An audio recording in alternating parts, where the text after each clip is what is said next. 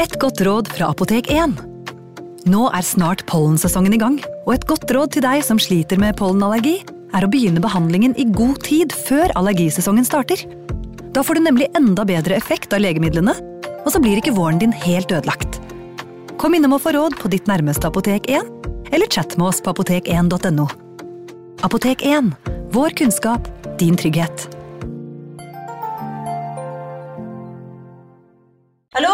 Jeg kommer fra Oslo politikammer.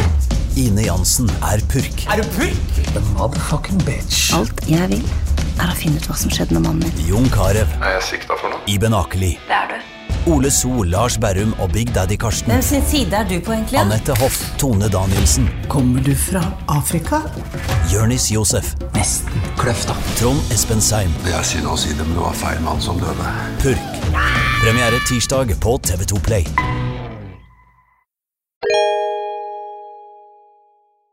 Hei! Takk for at du lytter til True Crime Podden dokumentar. Skulle du ønske at du kunne høre en ny episode av denne podkasten hver eneste uke? Vel, da er det bare å laste ned podkastappen Untold med en gang. I tillegg til ukentlige episoder av podkaster som Skrekkpodden, Synderne og True Crime Podden, får du masse annet reklamefritt og eksklusivt innhold. Last ned Untold i AppStore eller Google Play, og start din 30 dagers prøveperiode i dag. you.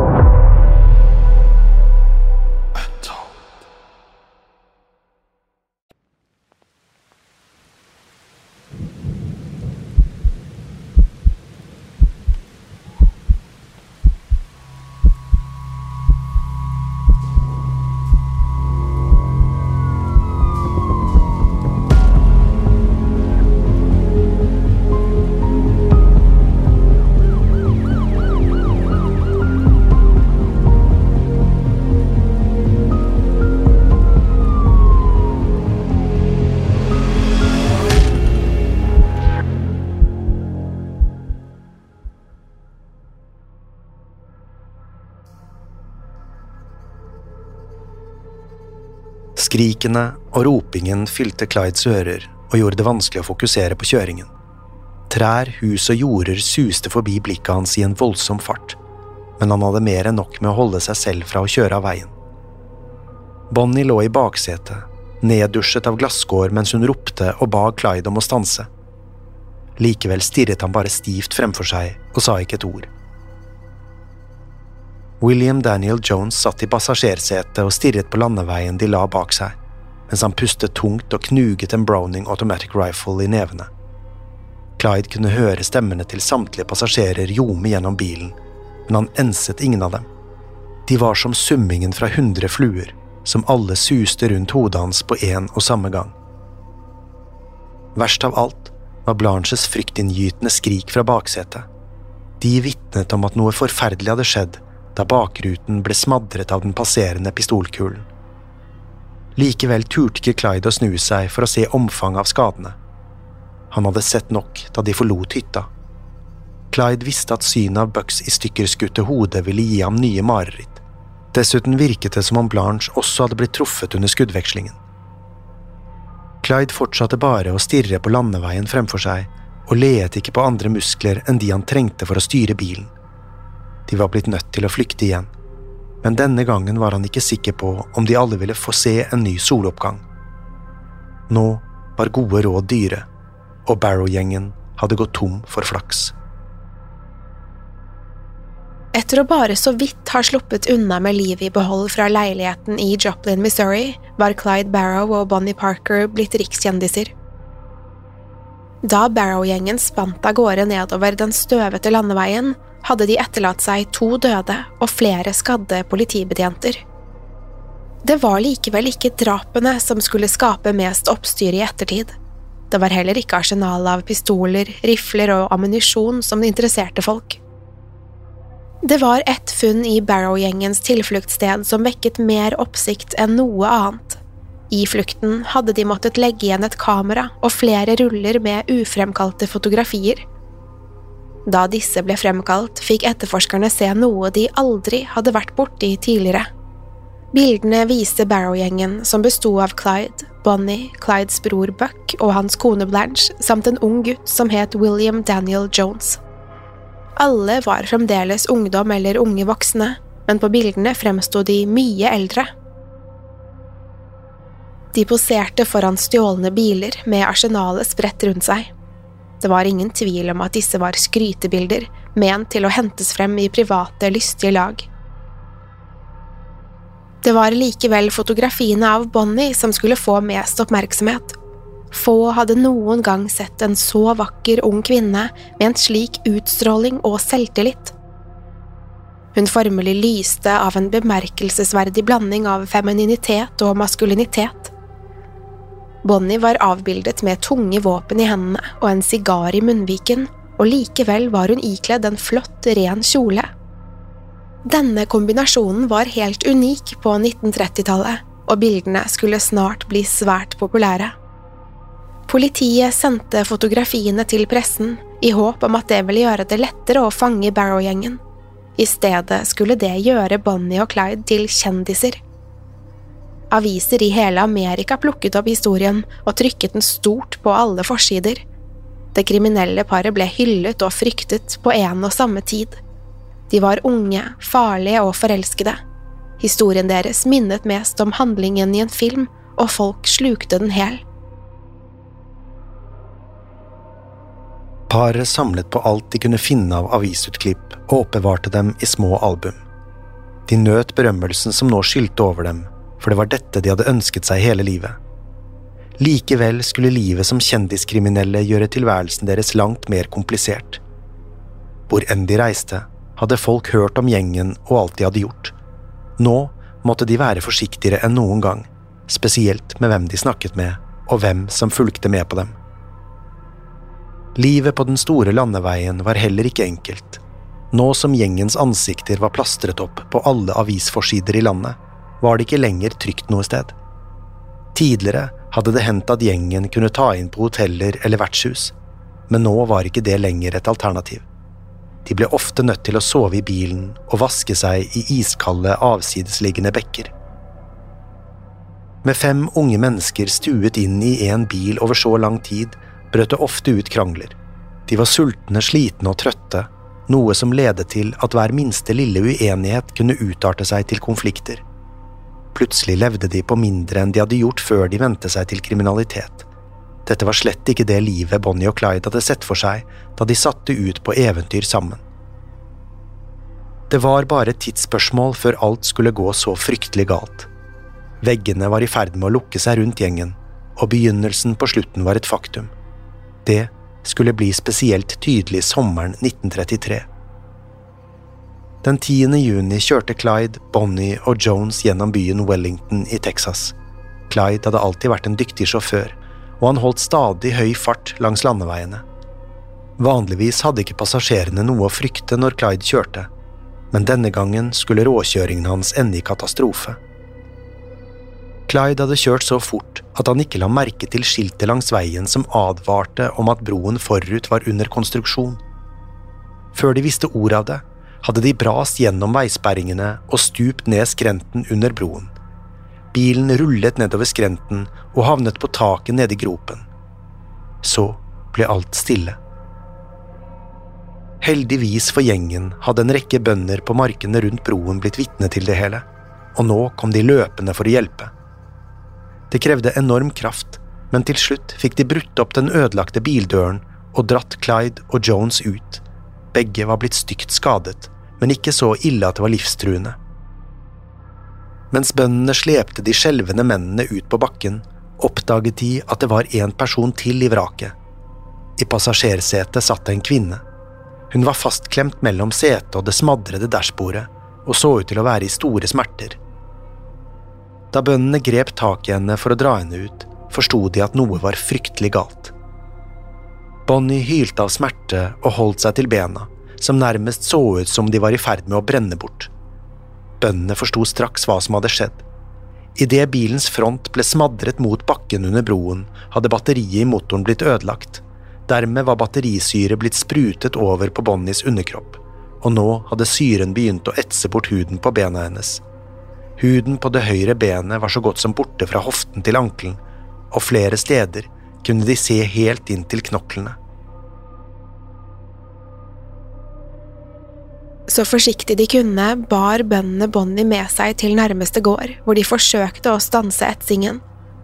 Smertene var så store at Bonnie fløt inn og ut av bevissthet, og mange var sikre på at hun ikke ville klare seg gjennom natten.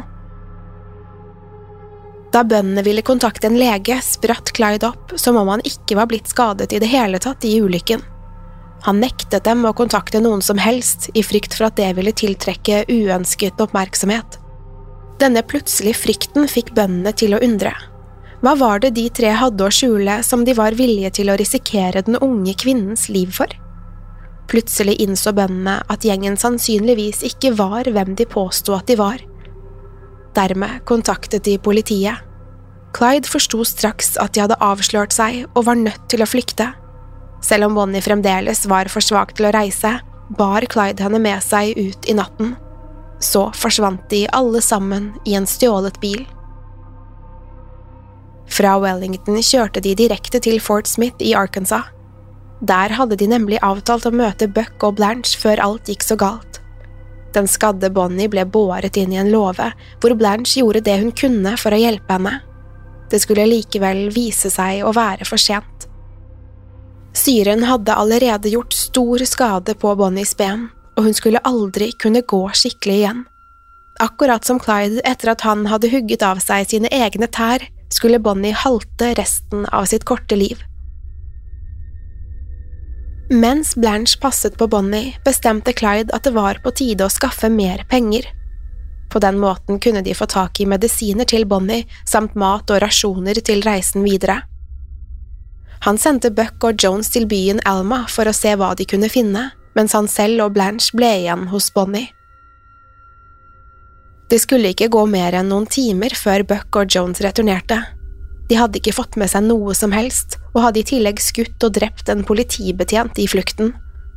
Dermed ble gjengen nødt til å flytte på seg igjen. All denne reisingen gjorde ikke Bonnie noe godt. Hun var fremdeles svak og ble ikke noe bedre av at hun ikke fikk hvile skikkelig. De kastet seg i bilen og kjørte nordover mot Missouri. Vanligvis var ikke Clyde typen til å bli på et sted lenger enn én natt av gangen. Han visste at jo lenger de ble værende, desto større sannsynlighet var det for at noen ville oppdage dem. Likevel så han hvor mye Bonnie trengte å hvile. Derfor bestemte han at de skulle kjøre til Kansas City, hvor det sikkert fantes et sted hvor de kunne ligge lavt en periode. Da Buck fikk høre om Clydes plan, begynte han straks å protestere. Kansas City krydde av politibetjenter og etterforskere etter den blodige Kansas City-massakren et par uker tidligere. I massakren hadde flere politibetjenter blitt skutt og drept av lovløse, akkurat som Barrow-gjengen, og politiet var fremdeles der for å etterforske saken. Buck var sikker på at de kom til å bli tatt i det sekundet de entret byen, men Clyde var bastant. Det hele endte i en voldsom krangel, hvor de to brødrene nærmest gikk løs på hverandre. Til slutt hadde det blitt så dårlig stemning i bilen at Clyde hadde stanset utenfor en bensinstasjon i Platt County, Missouri. En stund hadde de to mennene bare sittet og stirret hardt ut av hvert sitt vindu. Så hadde plutselig Clyde fått øye på noe på den andre siden av veien. Der lå det nemlig et lite gjestgiveri som het Red Crown Tavern. Clyde pekte på gjestgiveriet og sa at der skulle de bo, selv om det ville koste dem livet. Clyde svingte over veien og rygget bilen inn i en åpen carport utenfor gjestgiveriet. Så sendte han Blanche inn for å leie to hytter. I registrene skrev Blanche dem inn som tre gjester, men innehaveren lot merke til at det satt flere i bilen og ventet. Blanche fikk nøklene og gikk straks ut igjen, uten å si et ord. I løpet av de neste to dagene skulle innehaveren av Red Crown Tavern legge merke til flere underlige ting. For det første så det ut til at gjestene hadde teipet avispapir over vinduene i hyttene, slik at ingen kunne se inn. I tillegg bestilte Blanche middag til fem personer, Innehaveren hadde også reagert på at gjestene hadde rygget inn i carporten. I Amerika på 30-tallet var denne typen parkering nemlig kjent som en gangsterparkering. På den måten kunne man flykte raskere om det skulle trenges. Alt dette var nok for innehaveren til å mistenke at han hadde fått ubudne gjester på besøk. Han kontaktet politiet, som straks innså at det kunne være den beryktede Barrow-gjengen som hadde returnert til Missouri. Derfor satte de opp overvåkning utenfor gjestgiveriet og fulgte nøye med på hva som foregikk i og utenfor hyttene.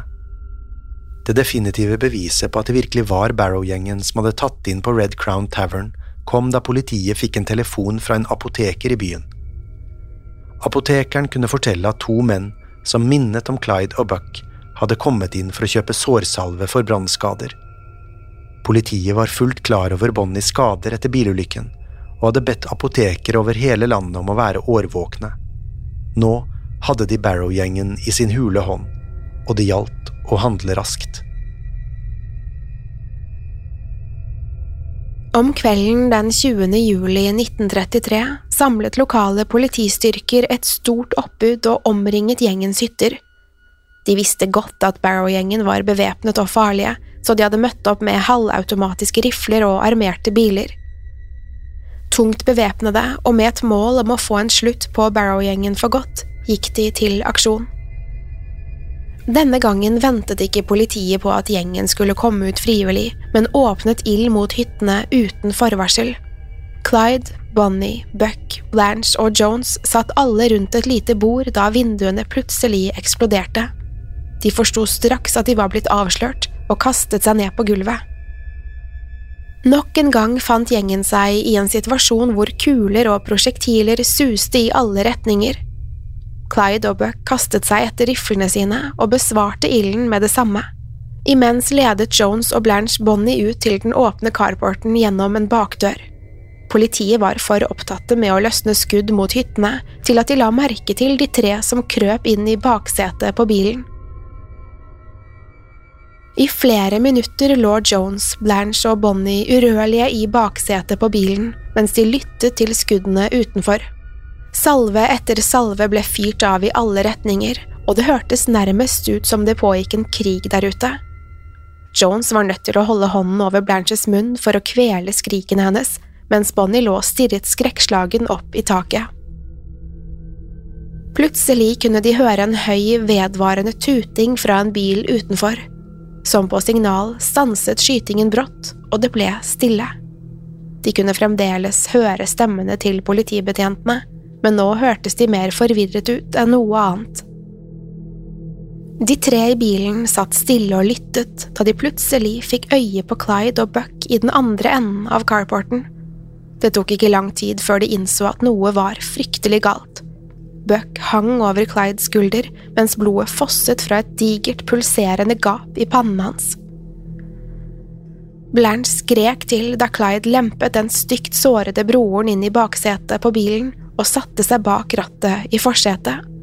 Han var blek i ansiktet og sa ikke et ord da han startet bilen og satte fart ut av carporten. Buck lå svimeslått, men fremdeles i live, mens blodet rant fra det åpne skuddsåret i hodet hans. Skaden var så alvorlig at en del av skallen var blitt skutt tvers av, og hjernemasse var synlig gjennom såret. Bilen skjøt fart ut av carporten og fortsatte nedover veien. Jones, som hadde flyttet seg over i passasjersetet, kikket uforstående ut på politibetjenten i oppkjørselen. Ingen av dem så ut til å legge merke til at de stakk av, men var opptatt av den vedvarende tutingen fra en av politibilene. Jones spurte Clyde hva som hadde skjedd, men fikk ikke noe svar. Det var tydelig at Clyde var i sjokk og ikke klarte å gjøre annet enn å kjøre. Gjengen fortsatte nedover veien, mens Blanche desperat forsøkte å stanse blødningene fra Bucks i stykker skutte skalle. Plutselig ble den ene bakruten smadret av én en enkelt kule, noe som sendte glasskår flyvende i alle retninger. Clyde og Jones dukket ned i forsetet og unngikk splintene, men Blanche var ikke like heldig. Hun hadde sittet oppreist i baksetet, og nå ble hun dusjet ned av glasskår. Glasset traff begge øynene hennes og skar seg gjennom øyelokkene. Hun skrek i smerte og begynte å gni seg i ansiktet, noe som bare førte til at glasset boret seg dypere inn i øyeeplene hennes. Med tre av fem gjengmedlemmer såret i baksetet, trampet Clyde hardere på gassen og spant av gårde nedover veien. Gjengens Ford V8 var mye raskere enn politiets biler, og snart hadde de ristet av seg forfølgerne. Slik kjørte de i flere dager, mens de prøvde å finne et trygt gjemmested. Clyde var blitt taus etter hendelsen og sa nesten ikke et ord. Selv da Bonnie forsøkte å prate til ham, holdt han munn. Det var tydelig at Bucks skader hadde gått mer inn på Clyde enn han ville innrømme. Til slutt nådde de en forlatt fornøyelsespark i byen Dexter i Iowa. Den 24. juli 1933 rullet de inn i den tomme parken og begynte å slå leir. Buck var fremdeles i live, men det var bare et spørsmål om tid før blodtapet ville knekke ham. Uten skikkelig medisinsk tilsyn ville det være over hvert øyeblikk. Selv med broren liggende for døden nektet Clyde å kjøre ham til sykehuset. Det ville bety slutten for Barrow-gjengen, og samtlige ville havne i fengsel. Dette var desperate tider for Barrow-gjengen. Buck var kun en hårsbredd unna døden, Blanche var delvis blindet på begge øynene, og Bonnie kunne så vidt gå. Det var tydelig at skjebnen var i ferd med å innhente dem alle, men Clyde var ikke villig til å gi opp ennå. Gjengen gjorde alt de kunne for å hjelpe Buck, men det så ut til å være forgjeves. Clyde og Jones gravde til og med en grav for ham, i tilfelle han skulle miste livet i løpet av natten. Som om ikke det var nok, hadde folk i området lagt merke til de blodige bandasjene som gjengen hadde kastet ut av bilvinduet på veien. Nå lå de som et spor av brødsmuler som ledet rett til Barrow-gjengen. Politiet ble kontaktet, og de mistenkte straks at gjengen kunne være i området. Lokale politistyrker fulgte sporet helt frem til den forlatte fornøyelsesparken, hvor det allerede hadde samlet seg over 100 skuelystne. Ryktet om at Bonnie og Clyde var i området, hadde spredt seg som ild i tørt gress, og nå ville alle få med seg den forventede arrestasjonen. En ny skuddveksling brøt ut da Barrow-gjengen fikk øye på politiet men denne gangen skulle den være kortvarig. Buck var for skadet til å gjøre noe som helst, og ble straks nøytralisert da han fikk en kule i ryggen. Blanche, som ikke kunne se hvor hun løp, ble snart fanget og tatt hånd om av politibetjentene. Clyde stirret på det som foregikk rundt seg, og var nærmest i ferd med å gi opp, men så var det som en bryter ble skrudd på i hodet hans. Med ett grep han tak i Bonnie, løftet henne opp på skuldrene og satte av sted til fots ut av parken. Jones fulgte hakk i hæl og lot Buck og Blanche bli igjen med politibetjentene. Bonnie, Clyde og Jones skulle unnslippe politiet nok en gang, men Buck og Blanche var overlatt til sin egen skjebne. Blanche ble arrestert og satt i en celle, mens Buck døde av skadene sine på sykehuset noen dager senere. Clyde var opprørt og knust etter brorens død. De hadde unnsluppet med livet i behold, men til hvilken pris? Buck var død, og Blanche kunne komme til å fortelle politiet alt hun visste i avhør. Alt virket håpløst, men Clyde hadde lovet seg selv at han ikke skulle gi opp, uansett hva. De gjenværende medlemmene av Barrow-gjengen fortsatte å reise land og strand rundt, men nå kjørte de lenger enn de noen gang hadde kjørt tidligere. De raste mellom Texas, Colorado, Minnesota og Mississippi i et forsøk på å riste av seg politiet. Likevel var de alltid hakk i hæl. Gjengen fortsatte også å begå mindre ran, men de fikk som regel ikke med seg mer enn akkurat nok til å holde seg i live. Den luksuriøse og frie livsstilen de hadde ønsket seg hele livet, minnet mer om en barnslig drøm for hver dag som gikk. Dagene og ukene gikk, og hver time føltes som den skulle bli deres siste. Likevel hadde Bonnie og Clyde alltid vært forberedt på at det hele ville ende blodig. Paret var ikke de eneste som ventet på deres nært forestående død. Mens Bonnies mor, Emma, fremdeles gjorde det hun kunne for å få datteren hjem, hadde Clydes mor, Cummy, en ganske annen oppfatning. Hun hadde allerede mistet en sønn, og visste at den andre snart ville følge etter. Da Bucks lik ble begravet hjemme i Dallas, valgte Cummy å ikke kjøpe noen gravstein. Hun regnet nemlig med at hun kunne spare penger om hun bare ventet noen måneder. Etter Bucks død og Bonnies skader etter bilulykken var paret blitt stille og innesluttet. Restene av de livlige, unge menneskene var i ferd med å bli visket bort av sult, desperasjon og fattigdom. Likevel var det én tanke som aldri hadde forlatt Clydes sinn. Helt fra begynnelsen hadde han hatt ett oppdrag, og det hadde han fremdeles ikke gjennomført. Etter at han slapp ut fra det marerittet som var Eastham Prison Farm i 1932, hadde han gitt seg selv et løfte. Han skulle aldri tilbake i fengsel, med mindre det var for å ta hevn på hele fengselssystemet. Clyde hatet fengselet overalt på jord, og var besatt av tanken på å ta igjen for alt han var blitt utsatt for. Clyde var sikker på at det ikke var lenge til han selv var en død mann. Dermed begynte han å få dårlig tid om han hadde tenkt til å gjennomføre planen sin. Om det var én ting han ville gjøre før han døde, så var det å hevne seg på Eastham Prison Farm. Og han visste nøyaktig hvordan han skulle gjøre det.